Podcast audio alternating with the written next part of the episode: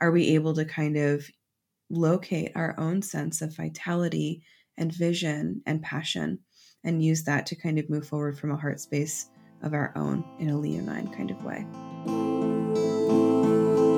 Welcome to Soror Mystica, a podcast exploring life's mysteries and magic through its symbols. I'm Mariana Lewis, an archetypal tarotist.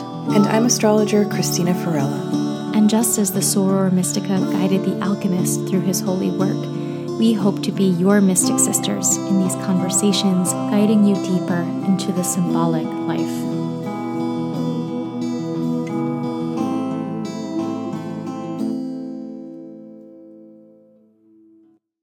Shadow work has become one of the most popular methods of self betterment over the last decade, but what that work really is and the power it actually holds for our lives is deeply misunderstood. In my new workshop, Shadow Work and the Tarot, a guided workshop of self reckoning with the cards, we will explore exactly how to do real and effective shadow work with the tarot.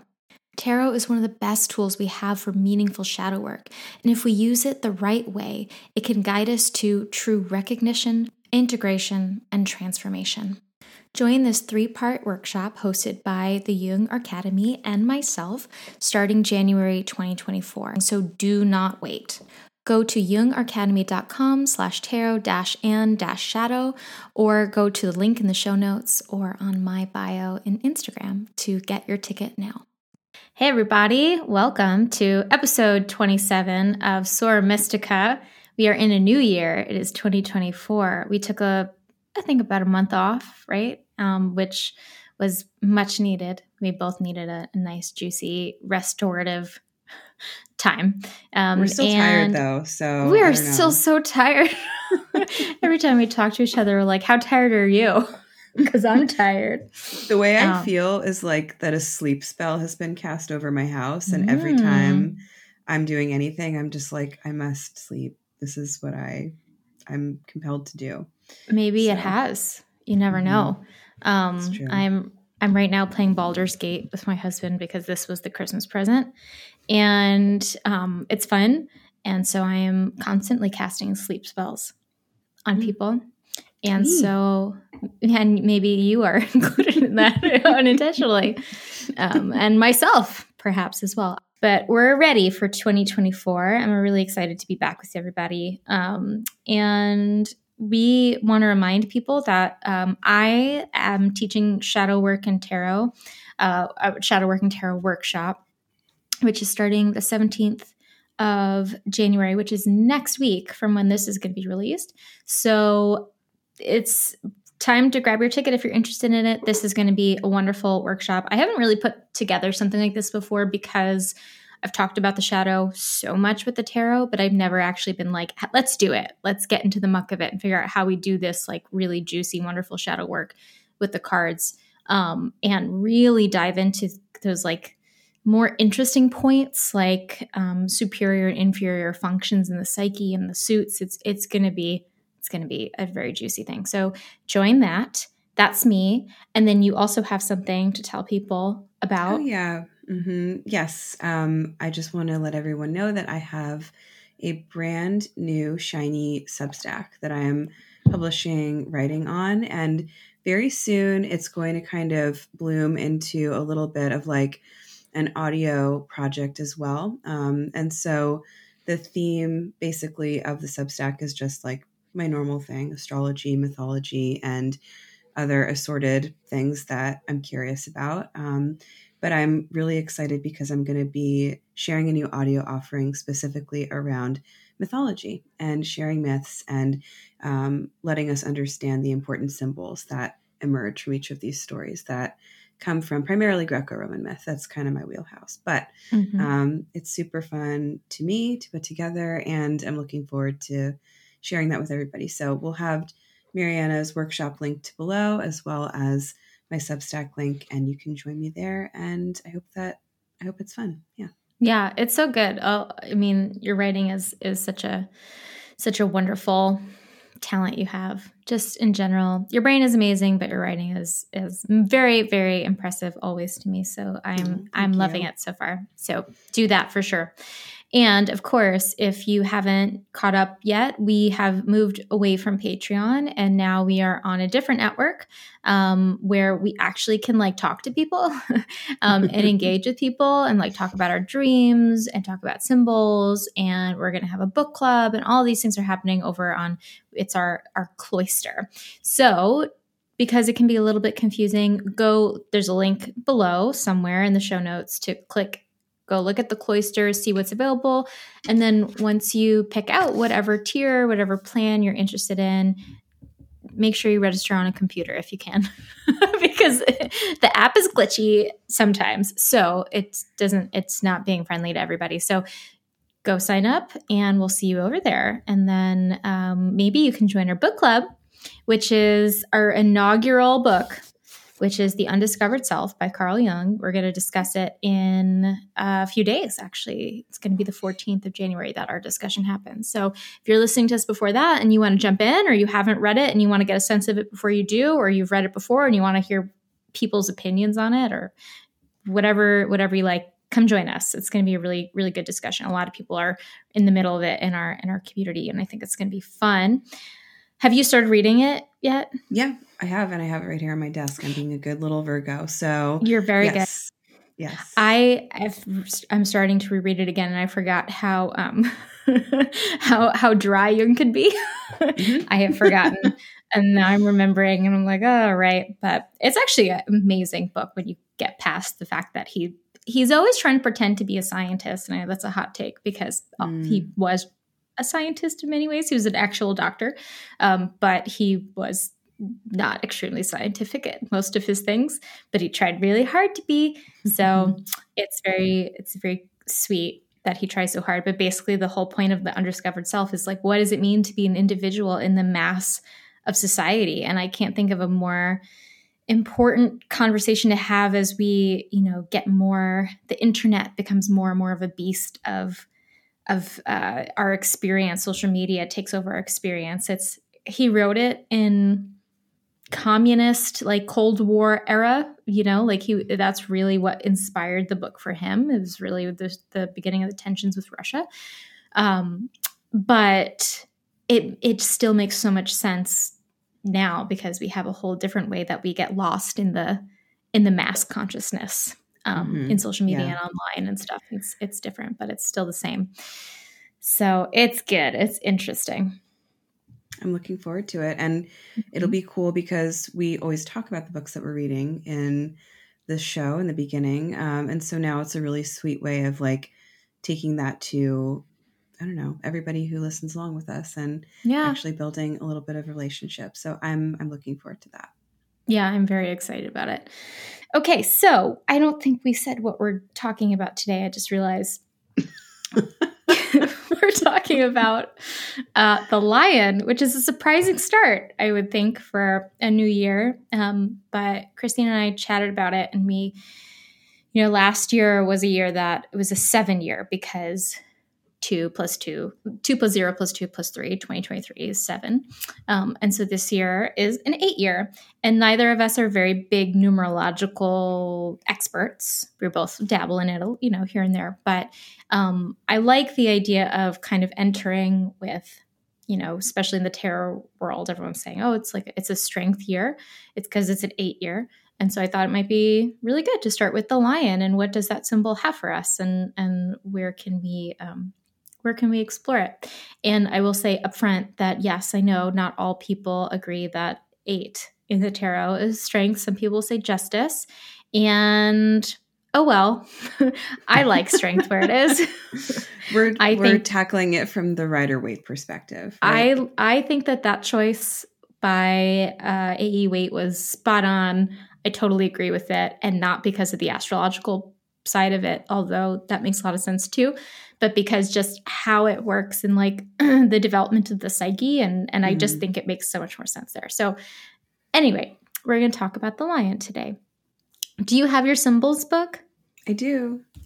I was looking at mine and they don't have a lion entry, which was absolutely That's astonishing. Very, very strange. They have a great cats entry, Aww. which is not enough because they have different things like lions and yeah, tigers are, are different.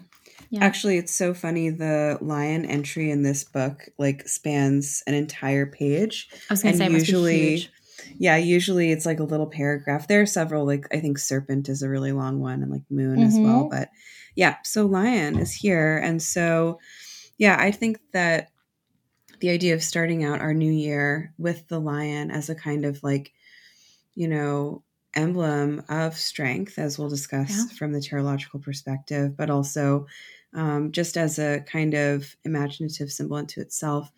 Um, we were, you know, kind of discussing this before we got on. It's like after the holidays, there's this sort of almost like a little bit of a letdown or, you know, yeah. depression or a sleeping spell cast over everything. And we feel a little bit heavy. We feel a little bit, you know, dark or just contemplative in um, a way that can be a little bit sad sometimes, right? This mm-hmm. happens. Mm-hmm. And I think that the lion um, coming in for 2024 is a really lovely kind of medicinal uplift um, for yeah. those of us who are feeling a little bit off. So this is something you can take with you into you know, into your new year, hopefully. Mm-hmm. Um, mm-hmm. Okay, so I'm going to read from my traditional symbols book, as I like to do. Um, and I will not read the entire page long entry, just a little yeah. bit. So they write Lion, ambivalent as both solar and lunar, good and evil. As solar, it represents the heat of the sun, the splendor and power of the noonday sun, the fiery principle, majesty, strength, courage, fortitude, justice, law, and might, the king of the beasts. As lunar, it is the lioness accompanying the great mother or drawing her chariot, and typifying the maternal instinct. It is often depicted with virgin warrior goddesses, goddesses of Crete, Mycenae, Phrygia, Thrace, Syria, Lycia, and Sparta all have lionesses as their emblem. She also appears with Artemis, Cybele, Fortuna, and the Gorgons, uh, and in India and Tibet as an attribute of Tara, as an earth and maternal symbol. So it goes on for a long while mm-hmm. here, but mm-hmm. basically the gist is that um, you know there are different kinds of lions. There are lions that guards the tree of life. Um, mm. There are mm. lions in alchemy that we're going to talk about, and so mm-hmm. overall, the attributes of strength, energy, valor, bravery, um, justice, you know, are all here. But immediately, it's interesting that the lion has this sort of solunar attribution yes. that yeah. Yep. Mm-hmm. it is interesting. I think we we very much associate the the lion with the solar side of things. Um, we talk about the the polarity of solar and lunar consciousness constantly on this podcast. Um, and i think that you know the lion is associated with that because it is so full of vigor and you know it's it's very alive very bright um, in in uh, alchemy, which we'll get into later. I'm not an expert on lion symbolism and alchemy. I've read a bit about it. It always kind of confuses me because everyone says something slightly different. But the there is a very very common uh, image of a green lion eating the sun. So he's consuming the solar element. Um, but it is also, as the book said, it's so connected with the image of the goddess at the same time. So many of the ancient goddesses had a lion. I've always kind of wondered if that is because it does have that lunar element too, or if it's because, you know, we can think of every archetype as having in some way this, you know, yin yang thing within itself. So it is these goddesses are more you know lunar centric goddesses but they have the solar element and the lion at their feet you know what i mean? They still it, embrace the other side of things. Mm-hmm. so that's always kind of what i've wondered about that that connection of that symbol but it is so tied to the goddess ancient goddess. Yeah i mean what always like i laugh about and i kind of have a hard time making sense of is that you know the lion is um, a golden kind of masculine solar symbol but lions are cats, which are nocturnal and lunar. And so it's interesting that we make this differentiation between the lion and the lioness as solar yep. and lunar, like in that uh, little rendition. And I can't really think of other animals that we do that with. In terms yeah, we of, really do with lions. Yeah, it's yeah. interesting. I think mm-hmm. they look different very much, and I think that that kind of has a big influence. That we see the mane of the male lion like a crown. Mm-hmm. Of course, we mm-hmm. know that like the lion is also associated with Jesus, and this is this is very traditional Christian symbolism. It's always um, like a lion with a mane. So you kind of see mm-hmm. this like kinged Jesus figure. Um, I think of the the myth of Thecla sometimes with the lioness. Do you know the the legend of Thecla? No, tell me. I probably told you it at some point. I freaking love this story. It's one of my favorite stories like ever. So this comes from the Acts of Paul and Thecla, which, if anybody is interested in the Apocrypha, in the apocryphal text, this is a juicy one. There is a book, basically, if you don't know what the Apocrypha is, it's like the books of, of Christianity that when the Christ, early Christian fathers met and decided what they all believed and they could agree upon, these are the ones that they said we have we don't we debate about this. We're not so sure. And so they kind of left them out. So that's the apocrypha. It's like kind of the they weren't like the books that were rejected as much as they were just the books that didn't everyone couldn't agree on. So one of them is the acts of paul and thecla. Everybody knows the acts of paul or at least you know it's a it's in the bible the acts of paul. Um, but not thecla's part. So thecla was a, um, a girl from i think modern day turkey. And paul was in her town preaching. And she heard him and she immediately knew i want to follow christ. I also want to do what paul does and, and teach the word of christ. And so she went to him she said please baptize me. And he said mm, i don't really think so. You're a woman. It's kind of sketchy. Um not sure if i can do that. And you know you're very pretty. You're young. Go get married. Enjoy your life. And she's like i don't want to do that. I want to do this. And he said no thanks. So she follows him all over the place, whatever. And they end up in this in this city, and uh, somehow she interacts with this man who maybe he knows her something like that. I'm not sure, but he basically says, "Oh, I I want you. I want you to be my bride, and you know, I want to I want to have you." And she says, "No, I'm for Christ. I am not, you know, engaging with men." And so he rapes her. And so she is like fights back and she's arrested and she's sentenced to death because she fought this man and like I don't know if she hurt him or something. Anyway, so she's in the arena because they're gonna have her mauled to death by animals because it's the year 100 or whatever. Um, and so she's in the arena and the they release first the lioness is the first thing that they release and the lionesses approach Thecla and bow at her feet and lick her feet um, mm. and no one can understand what's going on. Um, and so they can't get the animals to attack her. So they say, okay, we'll try again tomorrow. The next day, I think they release the bears and they release the bears, and the bears are, are coming to attack her, but the lionesses are still around and they defend her and they fight off the bears. And then the third day, same thing. I think they release seals and they, the seals come for her. And, and then the women of the, of the arena watching this start throwing flower petals um, into the the arena, and so all the animals are lulled into a, a, state of gentleness, and the lioness is just like kind of crowd around Thecla and just like protect her, um, and then she goes into the pool of water in the arena, I guess where the seals were kept, and baptizes herself and says, "I'm, I'm enough of this. I'm done. I'm done waiting for men to give me approval." Um, and that is the story of Thecla, and it's quite amazing. And I think about the lioness in that story because they defend her.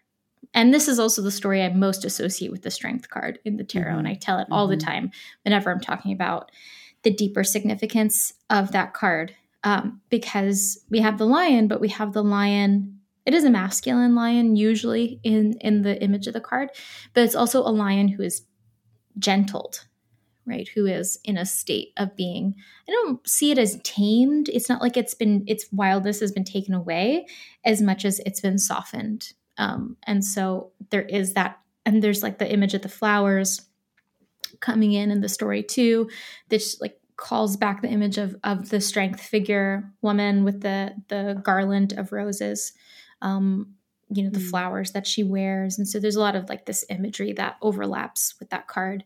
And I don't know. So that's that's a very special kind of little story that I, I love so much from from um, from the the texts that we do not get to read, which are in many ways very much better.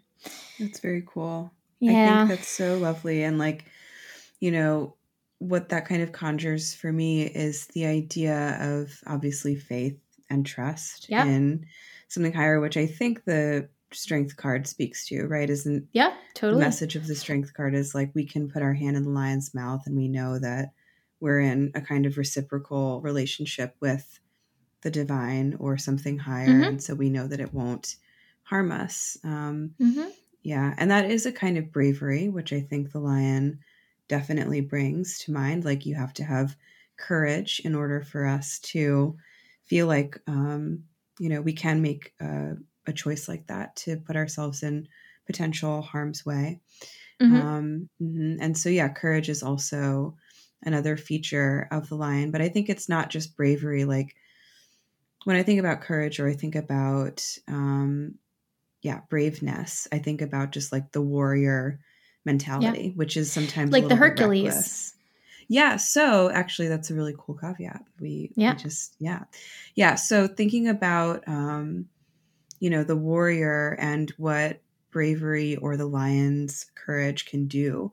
Um, you know the the myth of hercules is extremely long and it's always a little bit different depending on what source you're using but the basic gist of it is that um, you know hercules who has many lives throughout myth he like he's one of the argonauts when jason and the argonauts go looking for the golden fleece he's like conquering cities and doing these other he has a lot of he's just like a very alive figure he's and, everywhere mm-hmm, yeah and kevin sorbo our, also he's in kevin sorbo Kevin Sorbo. Wow. Yeah. Did um, you ever did you watch Hercules as a kid? No. No. Oh my god. what? Broken hearted. No. I love Hercules. Stefan and I is... we tried to watch it again, like from the beginning, and it was absolutely crazy because it's it's too silly, but Xena and Hercules. Yeah. Every no, Sunday. I did not. Every I'm like Sunday. a bad I'm a bad person and I didn't watch these shows. Shame. Shame. I was obsessed with it. Anyway, yeah, it that's a different. would have, but yeah, not my not my jam. You wouldn't um, have liked it. I don't think it's not. It's not very. It doesn't honor mythology very well. but I wouldn't have known that when I was a kid. No, you wouldn't have like, known that at, cool. at, like nine. Yeah. No, I honestly but, just wasn't like super allowed to watch a lot of TV. But yeah, that's, that's probably the, you're. people are probably watching other things on Sundays if you're watching TV. Then my like brothers Hercules. are watching cartoons. Yeah, mm-hmm. yeah. Well, I was watching whatever my mom was watching, so she was watching Hercules. That's great, of course, because she's a Leo. Um, she's Leo. So, but yes, anyway, Hercules and his yeah. many lives.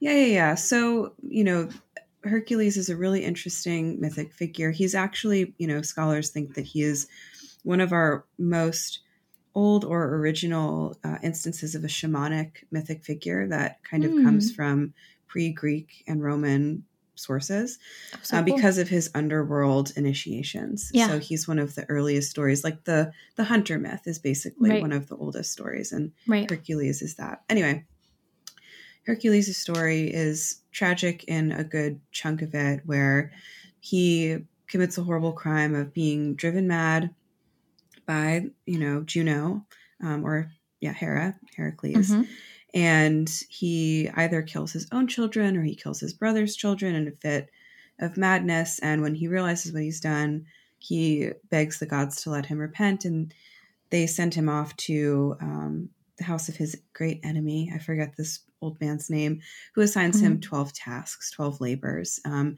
that are like basically impossible to achieve. And so right. it's a lot of like killing these mythic beasts or, you know, cleaning out the stables of the gods, or there's just like lots of different pieces of this story that mm-hmm. um, are really, yeah, intense. But one of his tasks is to kill the Nemean lion, which is a giant lion that nobody can kill and is basically, you know, impervious um, to capture or anything like that. He manages to break the lion's back and he kills the Oof. lion and he skins it and he then wears the yeah he wears it as lion. A, yeah. Right. Yeah, so anytime we see like mythic depictions, like um, you know, if you're at a museum and you see a statue of a guy who's got like a lion's cape over his shoulders. Mm-hmm. That's always Hercules. Um, mm-hmm. And that was one of his magical items that he always kept with him, along with his club. Um, that, you know, the lion skin was really, really special because it prevented any like um, sword or or arrow from piercing him and, and harming mm-hmm. him. So it was this amulet of protection. And um, I think that that's another beautiful thing about the lion is that, you know, as animals, they're, you know, probably territorial, they're protective of their families, you know, they're defensive of their boundaries. They're really good protectors, I think, of things. Um, and so that's another yeah. element of this creature that maybe we can grab onto. you know, yeah. what does it mean to be protecting ourselves in um, 2024? What are we protecting? What are we guarding? What are we prizing? Yeah. Yeah. I think especially with with kind of comparing those two stories of Hercules and Thecla, they both encounter a lion. Hercules has to overcome it with just sheer force, just mm-hmm. complete might. He has to find within himself that courage that we are talking about to face the impossible, face what is ravenous and ferocious, um, and then just just kind of match it with his own brute force, his own kind of his own ferocious nature.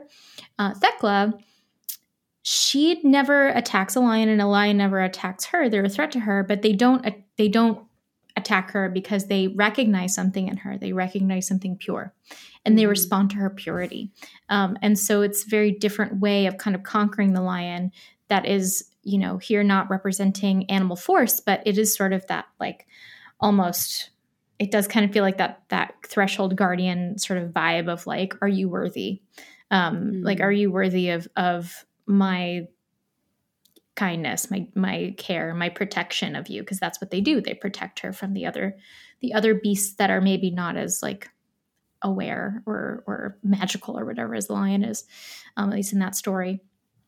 And i think that that's very interesting that there's another way there's hercules's way which works and then there's her way which is to also hold to her complete sense of courage and faith courage and faith rather than courage and force.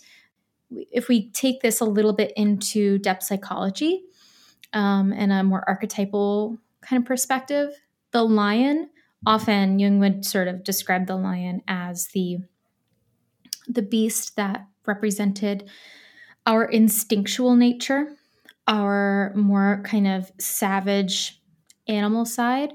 So we repress that side a lot right? We repress the side of ourselves that reacts with rage and the side of ourselves that desires things that are not society society won't accept easily um, that is more base and we reject it all the time because that's how society works we have to especially like you know in jung's time of like late 19th century uh, Europe, where he was born, like you repress everything. Everything's repressed. All your sexual mm. desires, all your your you know hobbies, all your that are that are not like you know deemed to be appropriate or whatever. Everything is repressed, and so the lion represents this this force within you, this life energy that's like I want and I want to take and I want to to have. There's the power in it, and so interacting with the lion symbolically is us meeting that force, those instincts. And instead of trying to beat them down and, and beat them back into repression, the idea is in the strength card, like how do we meet that with tenderness? How do we meet that side of ourselves with tenderness so that we can embrace those instincts and those desires and those passions um, that are more primal um, and not like be overcome with them when they eventually win because they will at some point um, but say okay well now i gotta i gotta find some kind of softness in myself so that i can meet this understand it develop it follow it where it needs to go and, and like tame it a little bit.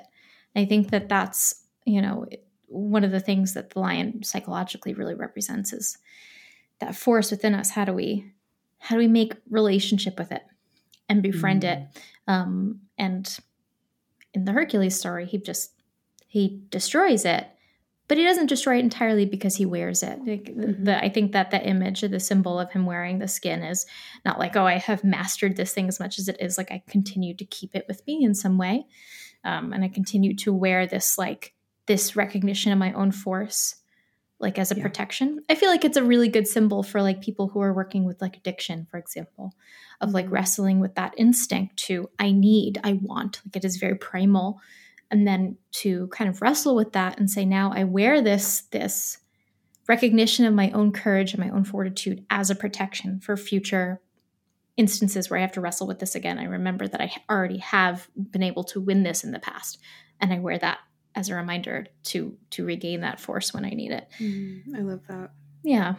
Yeah. It's it reminds me so much of like you know, um the true complexity of a lot of these stories like when I was first encountering mythology, I kind of had Hercules in my head as, you know, a warrior who goes down to the underworld and tries to like fight his way back up. And, you know, in my reverence for the underworld, I was always very skeptical of Hercules. But the more I read that myth and the more I think about it, the more it's like very complex and very tragic. And the way yeah. that he does like seem to honor, um, and he doesn't enjoy doing these tasks that Mm-mm. he is assigned to do. Um, and he's full of fear and he's very brave, but also, you know, not sure it's going to work out. And there's a lot of um, beautiful kind of like tenacity i think that that mm-hmm. figure has to show and the fact that he is represented in art with that lion cape i think is a beautiful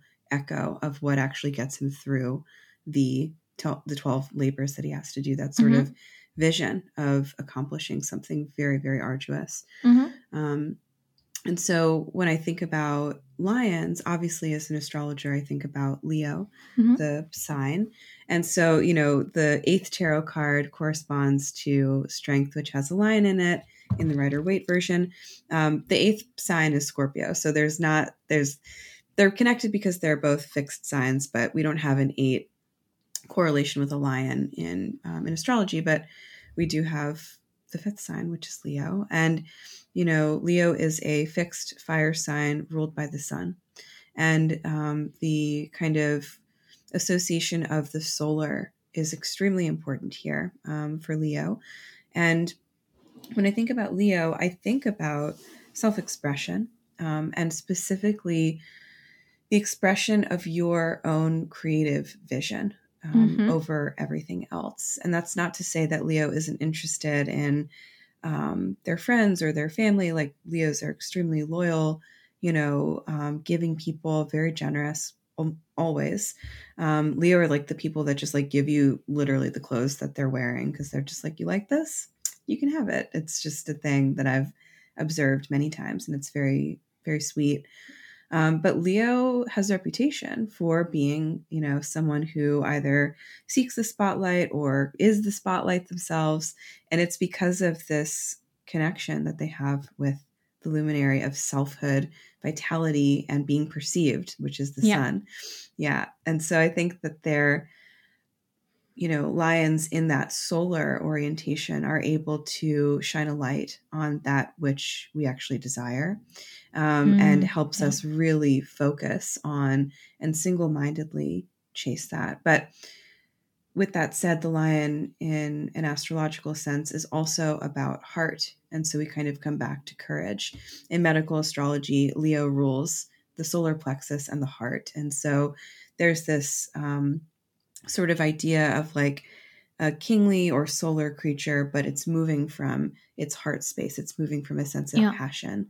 Yeah. And um, I think that that is also a kind of promising symbol to take with us into a new year when the world feels very scary. The world is very scary and very dark. And so, are we able to kind of locate our own sense of vitality and vision and passion and use that to kind of move forward from a heart space of our own in a leonine kind of way. I love that. I think that the idea of the passion that we find through the heart, I you know, I think that this is something that we associate with strength often. One of the, the things I like about the strength card and the reason I like it in its in that position is because it comes after the chariot.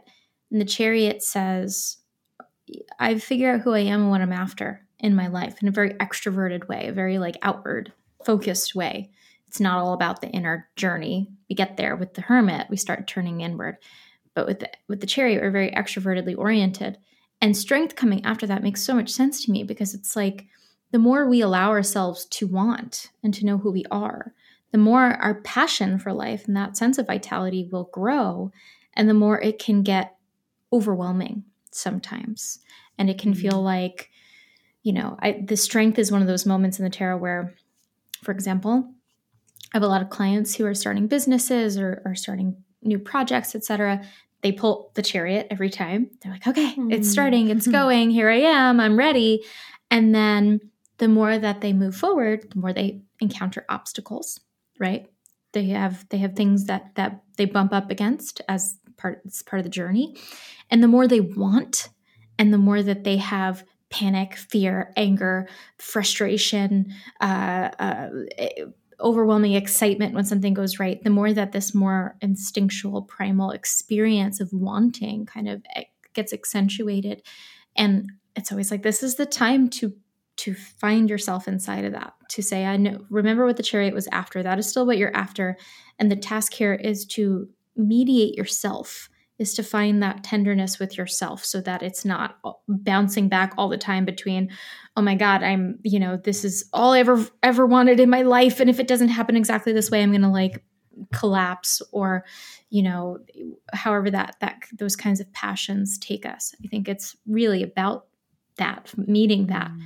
being willing to meet that and look at it um, and something i want to get to talking about um, the alchemical lion because I think that it's interesting. In alchemy, there's so alchemy is full of symbols that repeat themselves. Um, you find, you know, you'll find the like red queen, or sorry, the red king and the white queen often in in alchemy, and you'll also find the red lion and the white lion. Like the they you see these things repeat in different iterations, and the two that are most popular in alchemy. The lions, there's two lions. There's a red lion and the green lion. Sometimes there's a white lion. Sometimes I'm sure there's other lions, whatever. But the red lion is interesting. It appears on the Two of Cups. Um, and the red lion is a symbol of Hermes, Mercury. Lions in general are a symbol of Mercury in alchemy. Um, and so Mercury is that kind of it represents that essential part of the prima materia this really the like base thing that we're starting with. The the magician in the tarot is very much attached to the mercury symbol of like that that vital kind of conduit between whatever magic has to happen to get the thing working and to get the philosopher's stone the process beginning. Um, and so that red lion very much represents that which is why i really like the two of cups. It, its appearance in the two of cups it kind of feels like that symbol of like here's the philosopher's stone or here's the transformation kind of hovering in between here between these two people meeting or these two cups coming together. Um, the green lion is a little bit more interesting though because the green lion is often pictured eating the sun. Um, and so this idea of the lion eating the sun is something that is i mean it definitely calls back to the solar idea the solar uh, connection with the lion but there's something else about it that's really interesting. So, Marie Louise von Franz, who is a Jungian who talked a lot about uh, alchemy, particularly in, uh, in its relationship to psychology, said that the green lion devouring the sun relates to the experience of consciousness being overwhelmed by violent, frustrated desires. And so mm-hmm. that's kind of what this green lion is representing that it's taking over that sun aspect that the lion is connected to of, of brightness, solar consciousness, direction, vitality. And the green lion are, is this instinctual side that takes over. And something else that Marie Louise von Franz says in other, uh, you know, parts of her work is that the lion often comes up as a symbol of depression, actually because that is actually one of our instincts and the, the, way that we kind of can understand instincts in a depth psychological sense rather than in like the way we would normally talk about it is that it is like this sort of just it's this ferocious power that just comes through that we don't have control over. It rises up from the unconscious. And depression very often feels like that. It is this thing, it comes, it devours us, it grabs us. We can't get out of it. Like, where did it come from? What is it about? Why is it here? I can't do anything. I can't get out of bed. I can't concentrate on anything. What is it? Where is it coming from? And that's very much what this lion kind of represents. Then that's what Marie Louise von Franz says. Sometimes it represents this this like depressive attitude that comes up voracious it grabs onto us it swallows the sun right it swallows the purity of consciousness and saying i understand where i'm going who i am I'm, i feel bright and i feel alive and it, it engulfs that Um, and so it's just a very interesting aspect to the lion that we can explore. I want to know your thoughts on that. Yeah, it's so interesting. And I think that that I've seen that symbol many times of the lion swallowing the sun, mm-hmm. and I never um, really gave it that much thought because I was like, oh yes, because Leo is about the sun, and so it takes mm-hmm. the sun into itself, and it you know like digests the sun. It becomes one with the sun. I think. I think that's, that's definitely was... one way to look at it. Yeah. Yeah. This is like yeah. her perspective, which I find interesting, and definitely haven't thought of it that way before.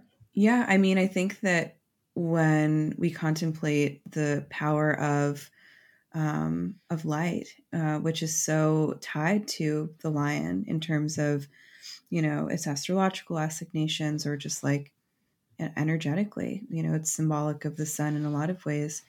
Um, when we lose that light, we do fall into a kind of funk or depression. Like so many of us have seasonal affective disorder in the winter mm-hmm. because we don't get enough vitamin D, mm-hmm. and that throws us off and makes us feel like everything is terrible. Um, yeah, it's part of the yeah. primal experience, and primal mm-hmm. being a word, you know, that is sort of ambiguous, but it's like it's just part of physical human nature just to yeah. to go into these states sometimes and sometimes it doesn't have a clear reason it's important in entering a new year um, you and i both are like just sprinkled with Scorpio everywhere. So, you know, we're always like, okay, and darkness is here. But I, I think um, entering 2024, entering any new year, just like entering a new solar return, a lot of us, instead of feeling like, woohoo, here we go, new, new journey to embark upon, we feel engulfed by the the overwhelming thing of like how do i live in this mm-hmm. new arrangement who do i become now you know the fear that life is moving faster than you're able to be present in um, and all of that is part of it and i think that the lion is actually a really good symbol for that feeling sometimes it's devouring the sun it's devouring the brightness that we feel like we should be attached to and instead we kind of feel swallowed up by it mm-hmm. yeah i think it's a really beautiful way of reminding us that every everything is you know thought to contain its opposite in equal yes. measure and so yep. it's it's interesting when we pursue um, too much you know solar activity we can get burned or singed if we fly too close to the sun our wings can melt we can fall into the sea you know and if we don't you know keep in mind the balance that's necessary to just be steady we can burn ourselves out or we can mm-hmm. fall into that sort of you know yes nocturnal depression state um, where we lose the sun and so i think that knowing that the sun will basically always return even if we feel like it's lost um, it's a little bit corny but i feel like that's something that the sun lets us fall back on is that it's pretty reliable um, and it yeah. wants to shine and it wants us to see clearly and i think that that circles back to the strength card too it's this mm-hmm. trust that yes. even if things are super bleak, um, we're always being asked to kind of surrender to a sense of trust in something mm-hmm. solar mm-hmm. coming our way. Yeah, um, because Faith. it does. Mm-hmm. I think that that's what's so one of the things that's so great about the Thecla story is that she tries so hard to convince Paul to baptize her, and he keeps refusing. And then it is in the moment where she's about to die that she gets the opportunity to do it herself mm-hmm. because she realizes it will never happen if she doesn't take that opportunity. And it's kind of a you know, a reminder that remember the courage that you've been cultivating all along. Whenever I see strength, especially when it comes up inverted, I'm always like, you've you've already done this. You've already learned that you have this. Like you, you've fought these these demons before. You've struggled before. You have all of the the fortitude within yourself to do it again if necessary. Um, it is it is not uh, you know advantageous for us to see the lion on the horizon and panic that it's going to destroy us. One of the the things that Marie Louise von Franz talks about in I think one of her books on fairy tales. Um, she talks a story about there's a story about a lion and a little boy. Uh, I don't remember the whole story, um, but she says that um, basically in the story, the the boy is, is standing there um, with this lion. And rather than run away from it, he puts out his hand and allows like puts his hand in the lion's mouth. And this is what jung says to do whenever you see a lion. Like not in real life but don't do that in real life. Um, but in in the the psyche when we see the lion our task is not to run our task is to put our hand in the mouth. And i think the point of that is to remember our fortitude remember our courage and to allow ourselves to make relationship with this side of ourselves that feels very, very scary to us. Um, mm. And that's the only way to do it is by being vulnerable with it, that it will soften and say, I don't need to eat you. I only need to eat you and destroy you when you're afraid of me, when you run from mm. me, because then I'm going to run after you. That's the whole nature of what's in the shadow. So maybe if you dream of lions, people just put your hand right in its mouth and see what happens. And if you get your hand bit off, well, you'll maybe next up. time you'll wake up, you'll be okay. Um, and actually, that might be a, a good a good like little introduction for our dream that we're about to yeah. to talk about. Do you have any closing thoughts on the lion before we jump into it? Well, we didn't say hi to Aslan, so I, I know. I just thought of Aslan's that too. I was like, lion. My husband would be so mad if I didn't mention Aslan. And We had a whole episode on the lion. He loves Aslan. Um, Aslan is the lion of the Lion Witch in the Wardrobe, and I think that in the Magician's Nephew, which is the first book of that series, which I really liked when I was a kid. Like I think that was my favorite my favorite one. Um, I'm pretty sure that there's like an apocalypse at the end and Aslan then sings the world back into existence. Mm, and beautiful. I'm pretty sure, yeah, I'm pretty sure. And um, I should find the passage just to confirm. But that to me always like that's that's one of my Leo images that I always come back to. I'm Sings like, the world can, back into existence. Mm-hmm. I freaking love it. Um, cool. Okay, so I think we've we've covered the lion well, and we've explored some some of its mysteries, mm-hmm. and we're gonna do a dream now. Okay. If you're enjoying this podcast, we encourage you to leave a review or learn more about how you can support us on Mighty Networks, where you can get access to some exciting exclusive offerings. Or you can connect with us by sharing a symbolic experience, whether from a dream or synchronicity, for us to explore on the show. Thank you to today's sharer, and please tell us your symbolic experience or connect with us on our website, sorormysticapodcast.com. Are you a small business looking to reach a targeted audience of people interested in all things esoteric? If this sounds like you, Soror Mystica would love to invite you to become an ad partner. We offer a highly tailored audience of mindful, curious, depth seeking listeners, and we would be delighted to showcase your business and offerings to new hearts and new minds. Simply fill out an advertiser application form at our website, linked in the show notes below, or navigate to sorormysticapodcast.com forward slash advertise with us. Jungian Online presents Jung Academy a personal growth learning platform for you. Join expert faculty, analysts, authors, and artists for live and video classes and events in the continuing tradition of Jungian psychology. Join us live or watch later. Our courses are accessible and presented in a way that everyone can follow and enjoy. Come together in search of meaning. Come explore jungacademy.com. And as a recent addition to the faculty, I can't encourage you highly enough to go check out jungacademy.com. Well, before we jump into it, I, I almost forgot that uh, if you want to share a dream with us, you definitely should. Um, we we love getting people's dreams, and it doesn't have to be a dream either. It can be like a synchronicity that's happened to you, or just a symbol that's been following you around. Um, and you can go to our website, sorormysticapodcast.com, and there's a there's a button right there where you can share a dream with a dream us. form. Mm-hmm. Yeah, we love them. Um, and so now that we're in, in 2024, we are opening that up again for people mm-hmm. to to send us new ones. So if you want to do that, please do. Okay, so now talking about shattered legs and mm-hmm. knights. Okay, so our dream comes to us today from somebody who dreams of a knight. Um, so they write, I keep dreaming of being injured below the knees. One very vivid dream is where I have lost both legs at the knees and I see a fractured kaleidoscopic image of both my injured self and my whole self as a knight. I then transform into that knight. I also keep pulling knight cards, especially the Knight of Cups. Apart from words beginning with K, I'm not sure what this is about. it's very cute. very. So, so interesting because there's a couple symbols that happen in this dream that feel very like they're not attached to each other and somehow they are very attached to each other. Mm-hmm. We have the mm-hmm. symbol of dismemberment and we have the symbol of the knight.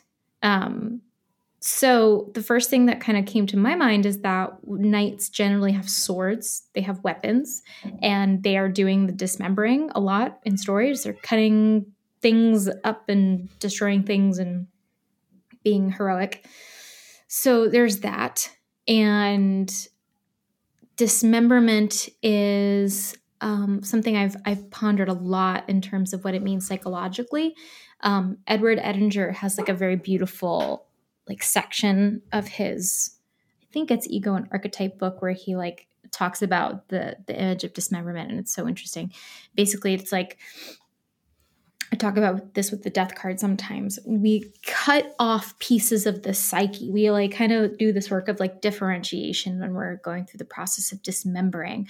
We're breaking ourselves off so that we can get closer to the central thing.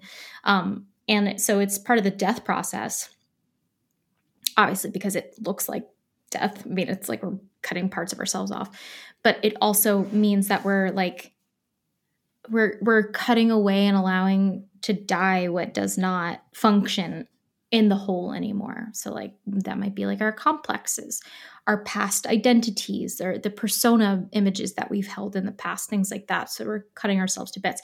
It's part of the uh, I think it's a stage in the heroine's journey mm. is dismemberment or some some people think of it that way one person thought of it that way. Have you ever seen the the piano i want to say the name of this movie is? Okay so this movie came out in the early 90s and it's a really interesting movie and it is the perfect summary of the heroine's journey. If you ever mm-hmm. want to see a movie that's like this is what it looks like it's that movie and it's about this woman who goes to she follows her husband to live in like some like some tribal land somewhere because eh, he's a preacher and I think he's like a missionary or something like that. Something like that. Or maybe he's a doctor. I don't know. Anyway, he goes to live off in the forest with these people that don't speak their language and they bring this piano and she's a pianist and that's like her only thing that she loves to do. And she teaches someone the piano, blah, blah, blah. Anyway, not getting into the plot. But at some point her husband gets really, really angry with her for like following her her own story mm. and not doing as he says and he cuts off her finger. He dismembers mm. her.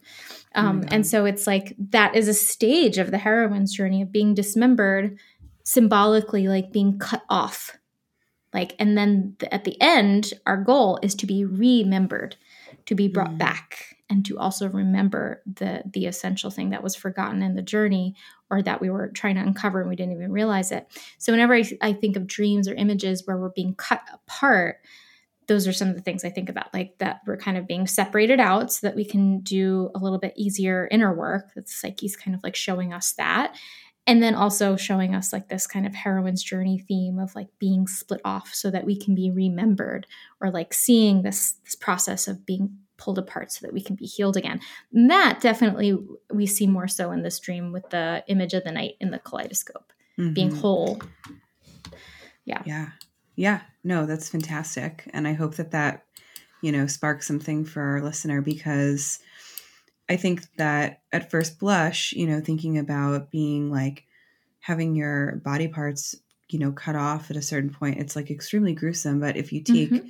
this perspective of the dismember and then remember, remembering, rememberment, um, it actually becomes quite poetic. And I think that that's one of the powerful things that dreams get to offer us is this kind of gruesome but super super charged potent kind of message about yeah. what's going on i would and wonder so, too yeah, if yeah. if your experience with the cutting off is like horrified or just like ooh you know because i think sometimes like our reaction to it is showing a little bit like it's a clue almost if we see something happen like do you get like stabbed or shot or whatever in dreams occasionally something ter- terrible happens. I get like and, stolen a lot. Yeah but then like but yeah. stolen. But then the, there's like it's interesting the reaction in the psyche is like oh that's not good or it's like, oh my god, I'm dead. And it's like yeah. depending on Sometimes you're like, oh, oops, like why? You know, mm-hmm. yes. Yeah, totally. it's kind of mm-hmm. like a clue of like, well, this is very symbolic versus like, oh, this is like scary stuff to be mm-hmm. alarmed by. So I would I would be mm-hmm. curious just to notice that. If it seems very like, oh, hmm, I'm cut off here, that might be something to think about like a little bit more analytically. There's something being yeah. cut off. But yeah, sorry, go on. I interrupted you. No, no, you're you're it's great. Um, because we've been talking about lions and we've been talking about valor. You know, the knight is such an interesting and potent yeah. symbol as well for bravery and honor and protection, right? Knights were supposed to like protect castles or protect maidens that they would come across in the fields. I don't know. They were in the fields. Um, yeah.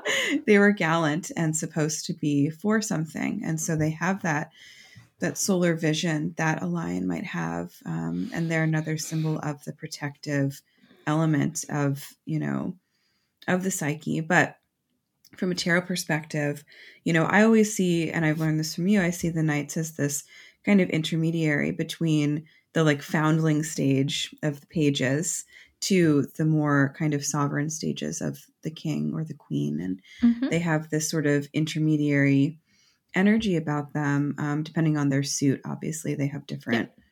purviews and different projects that they're working on. But mm-hmm. um, I see them as defensive. I see them as, again, another sort of like guardian or boundary enforcer, um, and people who are curious too and exploratory. Um, so mm-hmm. I don't know what that might offer for this dream, but those are some knight things that come to mind for me. Yeah, yeah.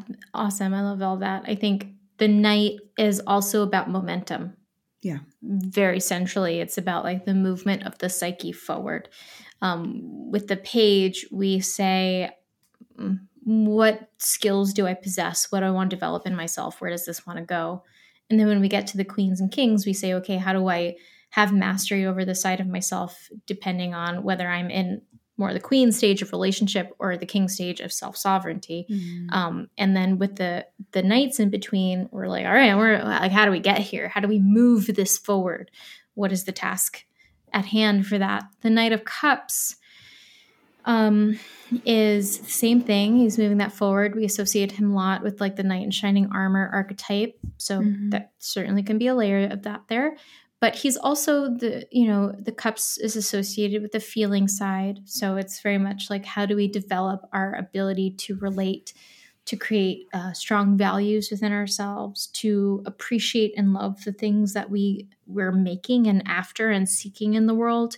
Um, how do we what i think is really special about the knight of cups is that especially like in the image and the rider waite he's like holding it out in front of him.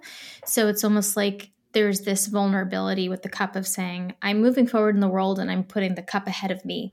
Like it's it's like i'm mm-hmm. i'm following it forward. And so that's why the knight of cups can be so hypersensitive and so easily wounded um, and seems so narcissistic because it's like if if that cup is rejected by anybody his whole identity of like what he's doing in this world is crumbles instantly and he doesn't have a lot. Of, he's a, a water of, sign.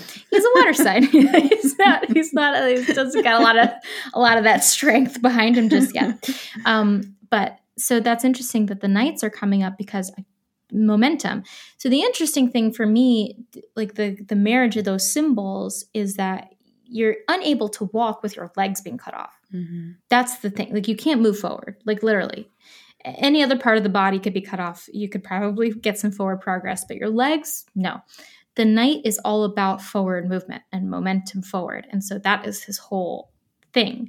So I would definitely spend some time in the tension of those two opposites of like, I, I can't move forward on one hand, and on the other hand, like the knight is the image of like total movement in whatever direction I'm being called to go.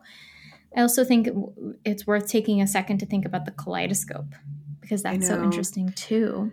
Mm-hmm. Yeah, I think that that's another K word. That's actually funny, but I I was thinking about the kaleidoscope, and then I have like I want to return to the knee um, yeah. image, but we'll mm-hmm. let's think about kaleidoscope first. Like, you know, I think it's such an interesting rendering of what this person is seeing. They're seeing something in simultaneity, but it's still fractured and kind of made into a little puzzle or a rearranged mm-hmm. version of itself.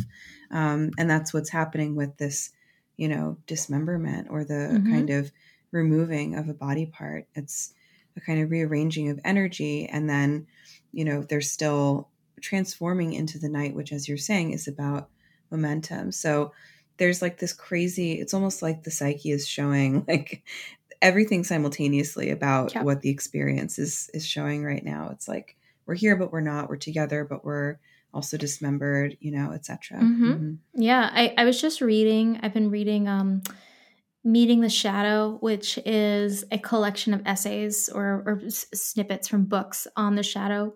Um, and I was reading something from Ken Wilber. I don't know which book it's from, but Ken Wilber is like a you know kind of pop psychologist sort of dude from like the early 2000s. Um, and he was just writing about how to really understand an experience we're having, we have to consciously reach for its opposite. And then through that work, we have the synthesis of the two things, and then the middle way comes through, which is what Jung always talked about of like hold the tension of the opposites, and the middle way comes through. Mm. I think that um, with the kaleidoscope image, it's like mixing up the images right it's like you turn it this way you turn it that way and it's like which which side am i on so very much this dream is a tension of the opposites dream that shows that you're in between states you're in mm-hmm. between this place of i would wonder if in your life right now you feel kind of cut off at the knees like there's not a lot of mm-hmm. momentum in life it feels kind of stagnant and then at the same time you're holding the image of the knight who can move forward So mm-hmm. I, am ready to yes. go live he's like the antidote or something you yep. know to yep. that mm-hmm and hold the tension between them. It might even be interesting to do a little bit of like journaling or something about like that just just like seeing both of these images at the same time and just describing them and just seeing yourself in between them and what what maybe can kind of come through that that might be an interesting activity but if you mm. hold the tension of the opposites the middle way comes through and the kaleidoscope feels like the symbol of that like it's shifting the images are shifting but we want them to blend that's mm. that's what we want mm-hmm. yeah yeah yeah, and I, I love that so much. Um, and so, one last idea I think that I can offer around this is that in astrology, the knees are associated with Capricorn and Saturn. And mm. so, I wonder if this person has Capricorn heavy placements or yeah. if they have Capricorn in their chart in an interesting way or a prominent Saturn. Um, do you have Capricorn in your first, fourth, seventh, or tenth houses. If so, Pluto is leaving this foundational house of your chart mm-hmm. um, for the first time in like 16 years, uh, very soon. And I wonder if there's some kind of astrological shift that's also kind of coming through here. Um, and yeah, I just, anytime I think about the knees and injuries to the knees, I think about an injury to one's own Saturn consciousness, yeah. which is yeah, a very yeah. intense. We're thing. still mm-hmm. in Capricorn too, right? Yeah, we're still yeah. in Capricorn season. Yeah, so um, I think still at the time that this podcast will come out, we're still in yep, it. We so, will be for sure. Yeah, so mm-hmm. maybe there's a transit happening currently in this moment under this sign that's there that's something to be i always love when when i have weird dreams and i text you and you're like this is happening right now. I'm like, cool. Um, all my crab dreams coming around the the new moons. Um, That's yes, so cute. Mm-hmm. Yeah. Um, but this is thank you for sharing this. This one had a lot of very interesting things. Mm-hmm. Go maybe go watch the piano. Doesn't mm-hmm. have her, mm-hmm. her knees or legs cut off, but there's dismemberment and rememberment in there. Well, she doesn't get her finger back, but you know. Can she other, still play the piano things. without one finger? Well, I'm not spoiling it. So okay, cool. It's a good movie. It's I think it may have won an Oscar or something. It was like very good. It's actually yeah, a really good movie. It's just one of those that I just haven't haven't yeah. seen. Well, someone mm. like assigned it to me because I was mm. talking to someone about the heroine's journey, and they're like, oh. "Watch this," and I was like, "Okay." Cool. Yeah, I didn't just figure that out myself. Not that smart. Um, you are that smart, anyway. Thank you. Um, yes. For submitting this really powerful dream. I hope that yes. our words have been helpful and that um, something becomes remembered. Soon. Yeah, mm-hmm. I hope mm-hmm. so. And everybody, make sure to check out Cristina's Substack. which is going to be so good. And check get get on the list for the uh, shadow work workshop if you are if that's your jam. Um, there's only a couple days left to register. We start very soon, Yay. January 17th. So, so yes, so get on that. And we hope to see you over at the cloister where we can talk more about your dreams and mm-hmm. offer reflections and read some books together. And uh, yeah, we hope to see you there. Awesome. Thank you, everyone. Thank you for joining us in our conversation today. Please consider supporting the podcast by leaving a review and following Soror Mystica wherever you listen. You can also become a more active supporter and a member of the Soror Mystica community by joining us on our Mighty Networks platform. If you have a symbolic experience that you'd like to share with us for the podcast, you can tell us all about it at sorormysticapodcast.com. The music for this podcast is written and performed by me, Mariana Lewis, with special thanks to Stefan Lewis. You can connect with both Cristina and myself on Instagram and get to know our work by clicking on the links in the show notes. As the alchemical motto goes, as above, so below, as within, so without. May this ancient wisdom continue to guide you deeper. Until next time, take good care.